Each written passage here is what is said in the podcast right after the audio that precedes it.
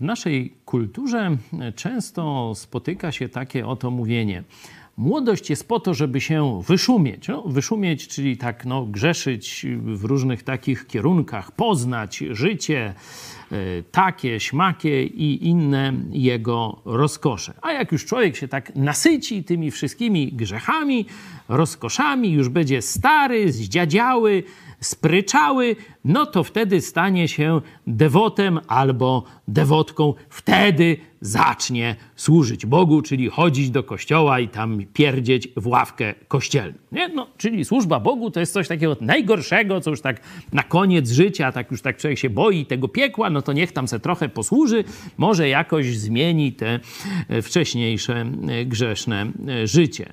Pismo Święte przedstawia nam całkowicie inny obraz. Wręcz przeciwnie. To młodość jest najlepszym czasem, żeby zacząć służyć Bogu. Dwa powody.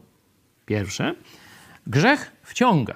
Jeśli będziesz naprawdę szedł krętą drogą, to ona się będzie coraz bardziej zapętlała. Zobaczcie piąty rozdział Księgi Przypowieści. Bezbożny plącze się we własnych nieprawościach, wikła się w pętach swego grzechu.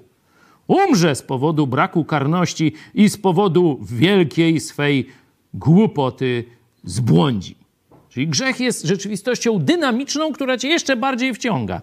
Zaczniesz grzeszyć, ho, to już po tobie. Dopiero no, długo możesz, że tak powiem, w tym korkociągu spadać coraz niżej, zanim się opamiętasz. Czyli zmarnujesz ogromny czas swego życia, a być może nawet nie zdążysz się nawrócić.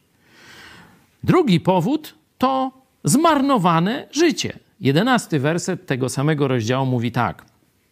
Abyś pod koniec życia nie narzekał, gdy zwiędnie twoje ciało i twoja skóra.